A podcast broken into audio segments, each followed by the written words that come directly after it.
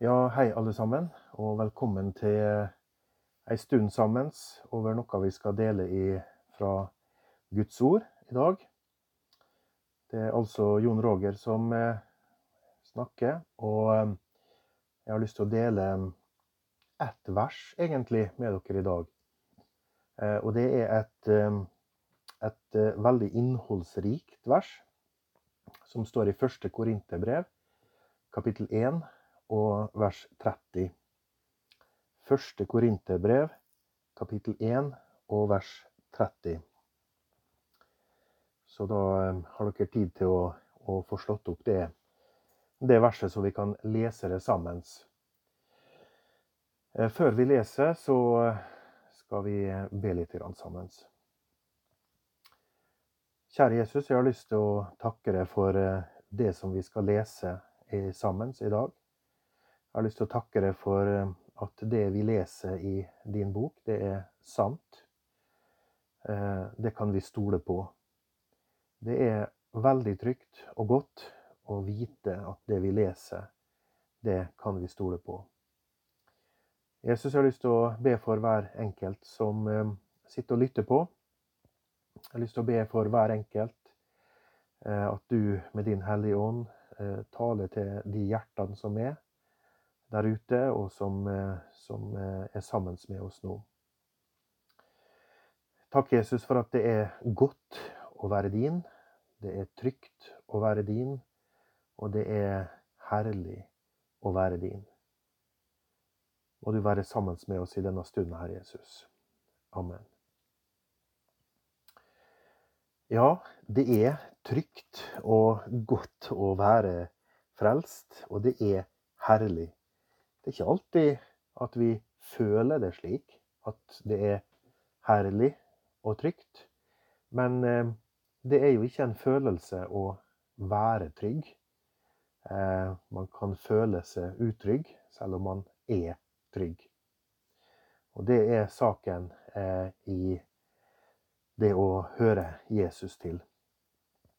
Dette verset som vi nå skal lese sammen, det er et vers som skaper trygghet. Som forteller oss hvilken situasjon vi er i, vi som har tatt imot eh, Jesus. Og I dette verset som vi nå skal lese, så står det slik, altså i 1. Korinterbrev, kapittel 1 og vers 30. For det er Hans verk at dere er i Kristus Jesus. Han som for oss er blitt visdom fra Gud, rettferdighet og helliggjørelse og forløsning. En gang til. For det er Hans verk at dere er i Kristus Jesus. Han som for oss er blitt visdom fra Gud, rettferdighet og helliggjørelse og forløsning. Dette her er rikdommen i Kristus. Det er en enorm rikdom du har, du som hører Kristus til. Og så begynner dette verset å slå fast at det er hans verk. Altså Gud, som det står om i versene før. Det er hans verk. Det er ikke ditt verk. Du kan ikke bidra. Du kan ikke delta. Du må ligge aldeles stille og akseptere at her er det en annen som utfører verket. Og dette verset her, det har jeg brukt mange ganger. Det er altså et vers som lister opp egentlig i ei flott liste som gjør at dette verset her er jo nydelig å bruke om man skal ha fire-fem bibeltimer ei helg. Eh, for her får man rett og slett ei punktliste eh, i dette verset. Eh, og det viser altså hva har Gud gjort? Hva er det som er hans verk for det og med? Jo, for det første så er det Hans verk at dere er i Kristus Jesus. Eh, du som hører Herren til, du er plassert i Kristus Jesus. Du hører kanskje ofte uttrykket 'Kristus i oss'. Og det er også en sannhet at eh, han bor i oss. Men det er en annen sannhet som er viktig å få på plass først. Og det er at du er allerede nå plassert i Kristus Jesus. Ja, Efeserbrevet sier faktisk det at vi i Kristus Jesus allerede er kommet frem til himmelen. Vi befinner oss i himmelen i Kristus Jesus. Så det er hans verk at dere er i Kristus Jesus. Han som for oss er blitt visdom fra Gud, rettferdighet og helliggjørelse og forløsning. Så her er det egentlig ei liste på fem ting i dette verset som Gud lister opp. Dette her er rikdommen i Kristus. Dette her har du som hører Jesus til. Vi skal altså eh, regne oss for å være i Kristus Jesus. For det er slik Gud regner. Det er jo ikke noe vi kan lære ifra andre steder enn ifra Guds eget ord. Dette her er ikke noe som andre mennesker har kommet opp med. Dette her er ikke noe som eh, vi kan se på hverandre. Men vi må faktisk gjenta det for oss sjøl og vi må lese det eh, i Guds ord, slik at vi veit tilstanden er slik. Du kjenner jo også Romerbrevet, kapittel 8 og vers 1.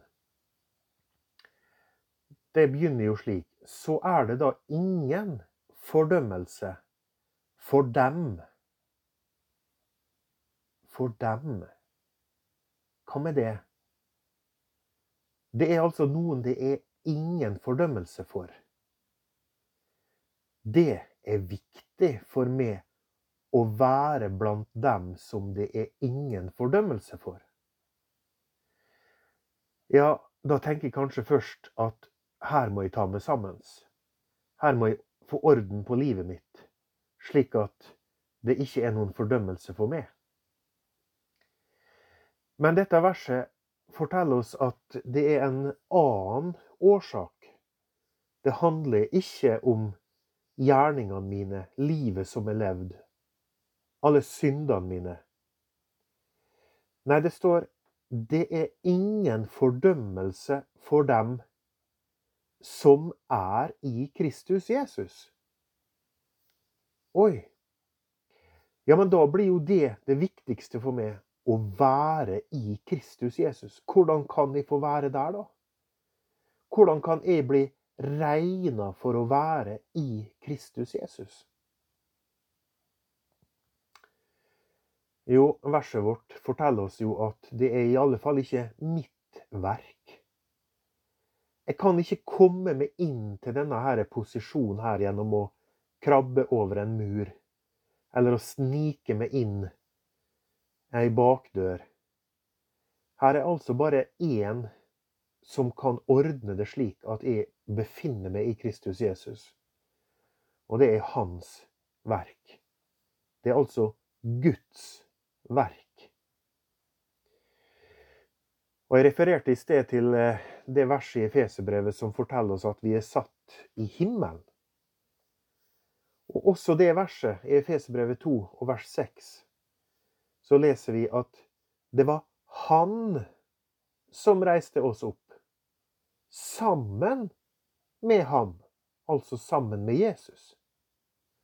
Og satte oss med ham med Jesus. I himmelen.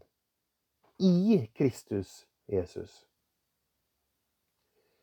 Så det her dreier seg altså ikke om meg i det hele tatt. Det dreier seg om han og hans verk.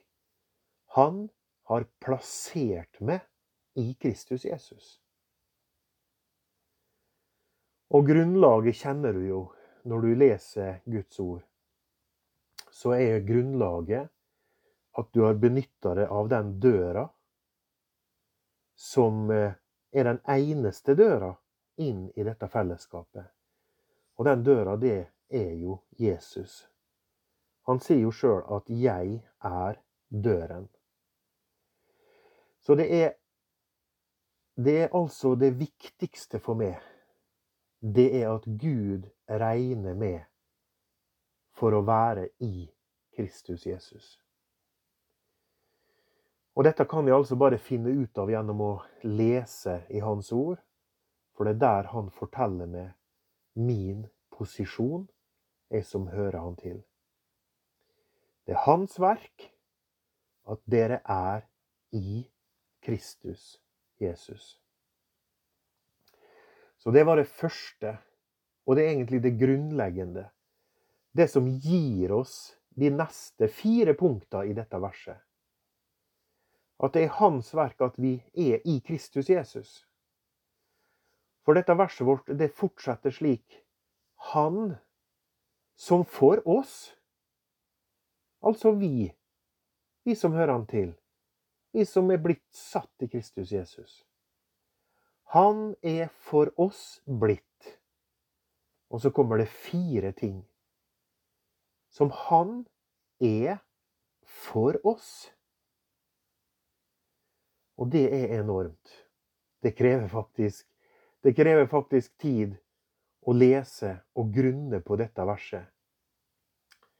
Når eh, Bibelen snakker om å grunne på Hans ord, så er dette verset her et, et genialt vers å lære seg utenat. Det er et genialt vers å grunne på. Fordi at disse her punktene de er så innholdsrike. Og de forteller oss vår posisjon i Kristus Jesus og hva han er for oss. Rikdommen i Kristus Jesus. Så det første av disse her fire siste punktene, det er eh, visdommen i Kristus Jesus. Han er blitt visdommen for oss. Og Da kan vi egentlig løfte blikket bare litt høyere opp i det samme kapittelet i 1. Korinterbrev, kapittel 1. Så kan vi lese der vers, eh, vers 20 til 23, så får vi egentlig en grundig forklaring. Hvor er en vis mann? Hvor er en skriftlærd? Hvor er en forsker i denne verden? Har ikke Gud gjort verdens visdom til dårskap? For da verden, ikke ved sin visdom, kjente Gud i Guds visdom, fant Gud for godt å frelse dem som tror, ved forkynnelsens dårskap, eller idioti, kunne det like godt stått. Altså, dette her er ikke vist i verdens øyne. Det som vi nå snakker om her, det er oppfatta som idioti. Frelsen i Gud, hans verk, at vi er satt med Han i Kristus Jesus, det er latterlig. Det er ikke verdens visdom. Og de to neste versene jøder krever tegn, Grekere søker visdom, men vi Og la det være sant, da, for oss. Vi forkynner Kristus korsfestet. For jøder et anstøt, og for hedninger en dårskap. Så Kristus Jesus, han er selve visdommen. Guds egen visdom. Så det vi nå bruker tid på å betrakte, det er Guds egen visdom. Det er spennende og interessant med den visdommen som vi kan forske oss frem til her i denne verden. Det jobber jeg med sjøl på dagtid, så der er det mye spennende. Men det er ikke verdens visdom som leder oss til disse sannhetene som Bibelen forteller oss. For det er Guds egen visdom. Og selve visdommen, det er Jesus. Så det er hans verk at vi er i Kristus Jesus. Og han er altså blitt visdom fra Gud. Og så er det det neste i denne lista i verset rettferdighet. Han som for oss er blitt rettferdighet. Jesus er altså min rettferdighet. Han er rettferdig i mitt sted istedenfor meg. Og dette ordet som Paulus bruker, det, det har han henta fra rettssalen. Rettferdig gjort. Det bruker Paulus mye. Du og jeg, vi er rettferdig gjort. Og I Romerbrevet 4 så snakker han om å bli tilregna rettferdighet. Altså, det er ikke noe som vi kan oppnå. Det er ikke noe som vi kan få til. Det er ikke noe som vi kan fortjene. Men Gud håndterer meg slik at han har plassert meg i Kristus Jesus. Og så tilregner han meg rettferdighet. Og altså i rettssalen så er det ikke slik at dette ordet her forteller oss at vi er blitt benåda. Jeg har jo ofte tenkt at det, det, ville jo vært, det ville jo vært tilstrekkelig kanskje å bli benåda når Gud skulle dømme meg en dag. Tenk så greit å bli benåda. For jeg har jo faktisk gjort alle de syndene som Gud forteller meg at jeg har gjort. Så jeg er jo skyldig. Så en benådning ville jo vært bra. Men nei da. Gud syns ikke det er tilstrekkelig at vi blir benåda. Gud, han frikjenner oss. Det er det det betyr å være rettferdig gjort. Det er ikke tilstrekkelig å være benåda. For når du er benåda, så går du ut av rettssalen, og alle veit at du har gjort det du har gjort. Men du ble jo benåda, så du slapp straffen. Men du er fortsatt den som har gjort det. Men du, i denne rettssalen her, så sier Gud at du er frikjent. Synda di er ikke gjort. Du har ikke gjort den synda som du faktisk har gjort. Så, så enorm er den utsletting av ditt liv som Gud utfører. Så du går ut av rettssalen med æra i behold. Du er erklært ikke skyldig. Det er ikke nok å være benåda, men du er frikjent. Du har ingenting med disse syndene å gjøre. Du har ikke vært borti noen av disse her syndene. Du er tilregna Jesu Kristi rettferdighet. Hans liv, hans fullkomne liv, gjelder i ditt sted. Å, så godt det er å tygge på dette verset her. Så godt det er å ta det med seg i hodet.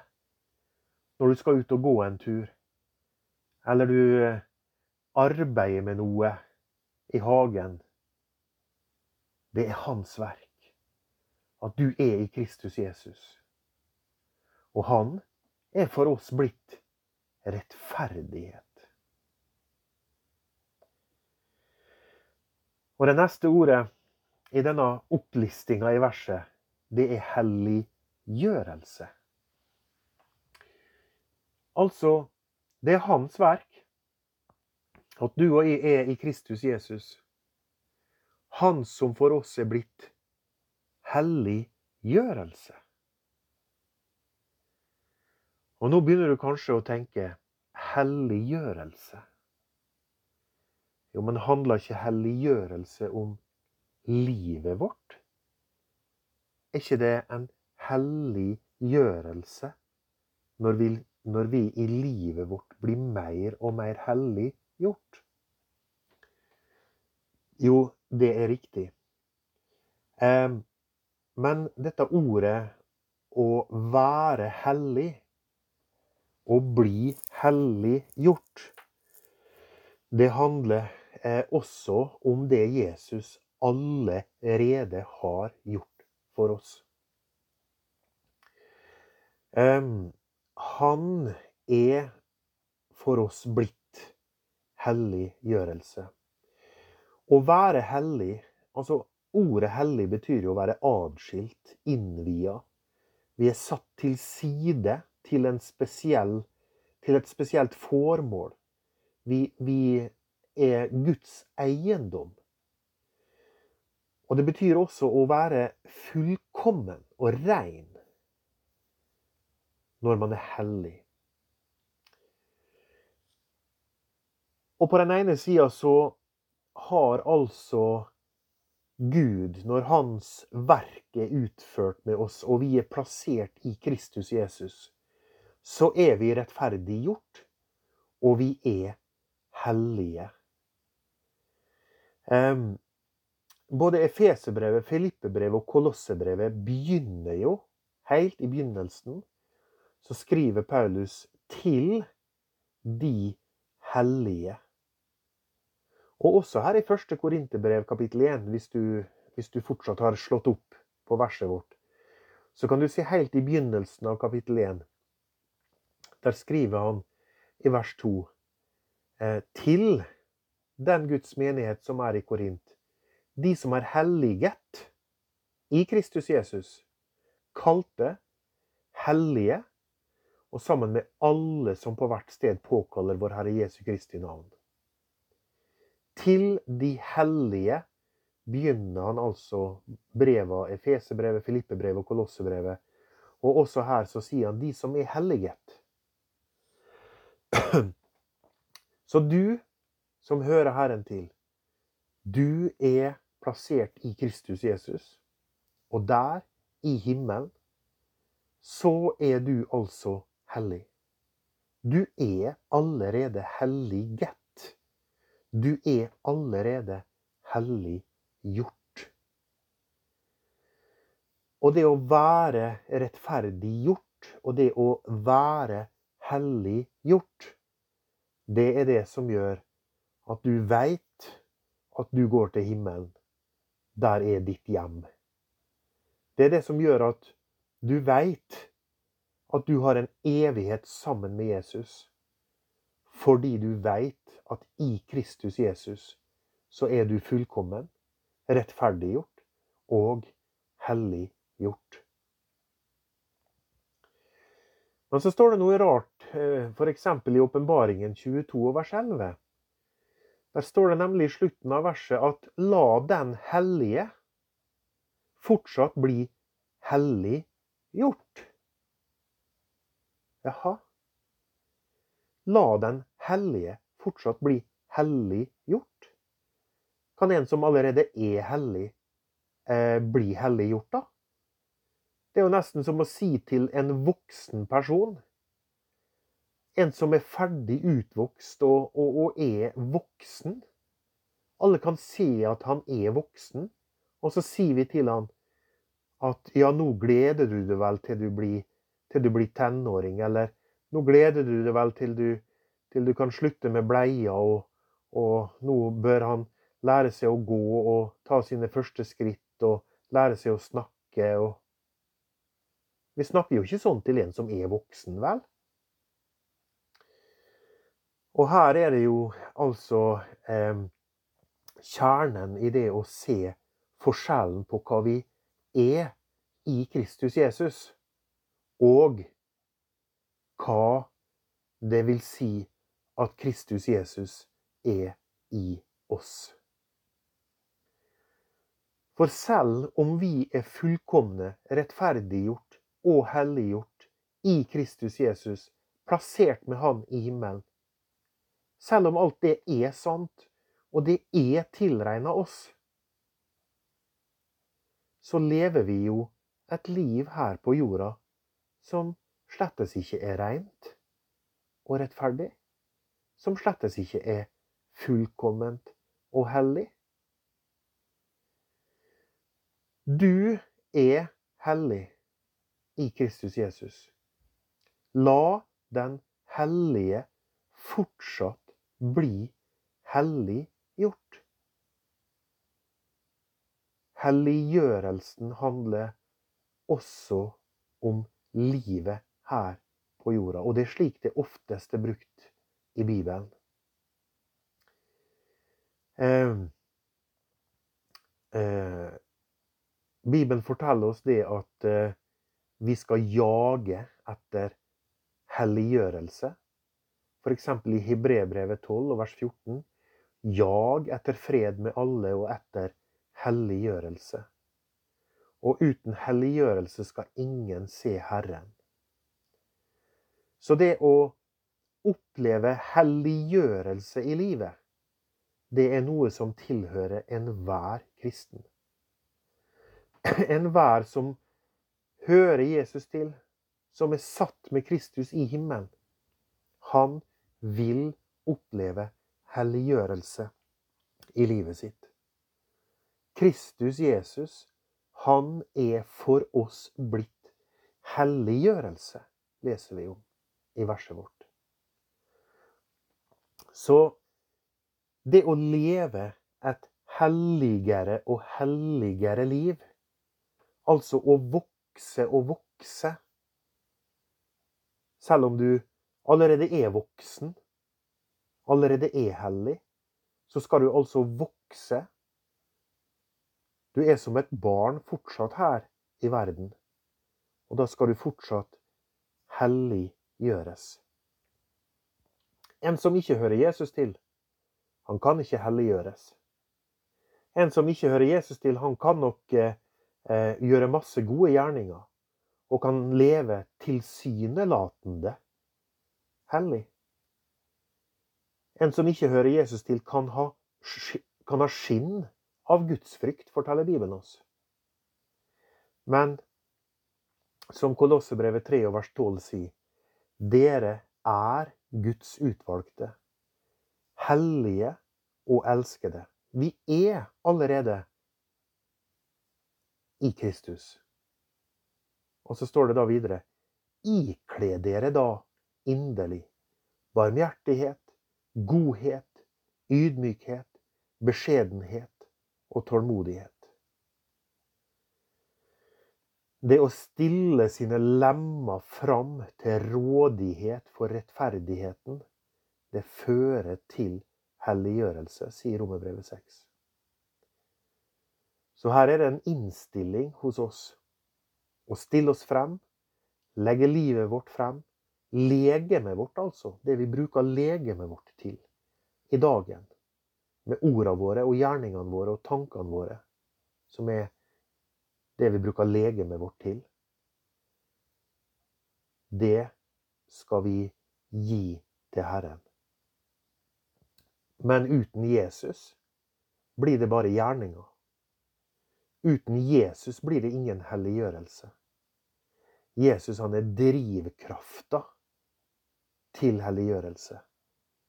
Han bor i oss ved sin hellige ånd og er drivkrafta. Uten tro er det umulig å være til behag for Gud, sier Hebrevbrevet 11,6. Altså uten tro er det umulig å være til behag for Gud. Mange forsøker å være til behag for Gud, slik at han, han aksepterer dem og slipper dem inn i himmelen. Det går ikke. Den veien går ikke. Det er umulig, det. For det er ingen som kan leve slik. Derfor så er livet vi lever, det er for Herren. Det er en helliggjørelse for å representere Herren her i denne verden. Men uten Jesus kan vi ingenting gjøre. Uten tro er det umulig å være til behag for Gud. Kristus Jesus, han er for oss blitt helliggjørelse. Og helt til sist forløsning. Han som for oss er blitt forløsning. Og forløsning er også noe som vi skal få oppleve en dag.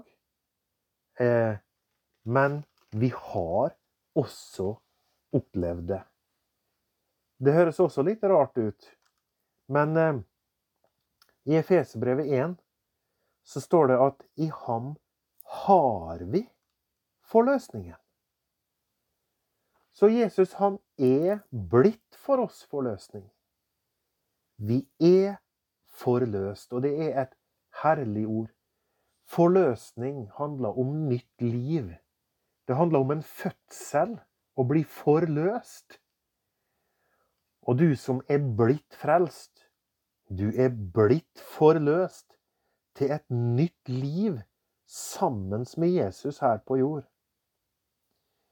Men Bibelen forteller oss også om en forløsningens dag, som hører fremtiden til. Og i Efesebrevet 1 så leser vi litt seinere i vers 14 inntil eiendomsfolkets forløsning. Så det er altså et tidspunkt inntil eiendomsfolkets forløsning.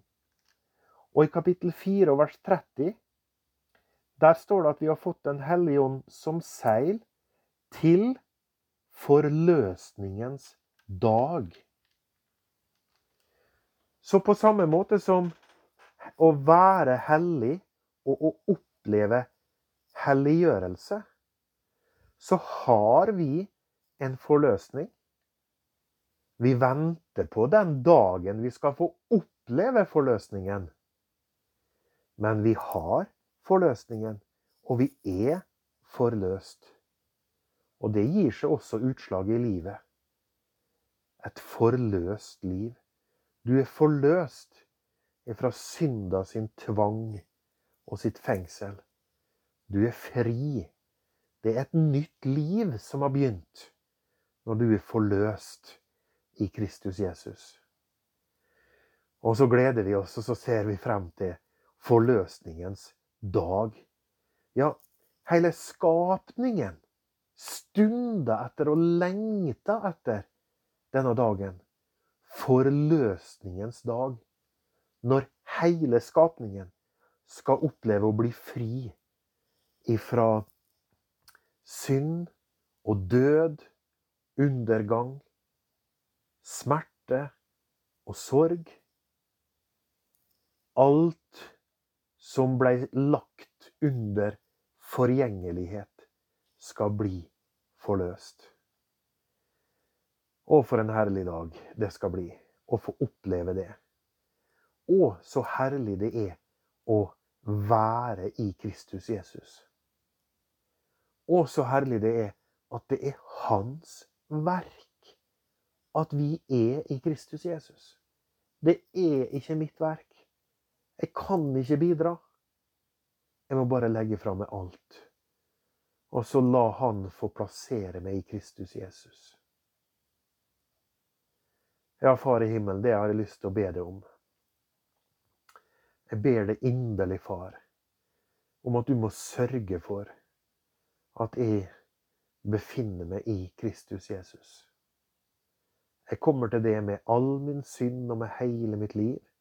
Legger det i dine hender og stoler på ditt ord. Så har du sagt at det er ingen fordømmelse for den som er i Kristus Jesus. Takk, Jesus, at du for oss er blitt visdom, rettferdighet, helliggjørelse og forløsning. Amen.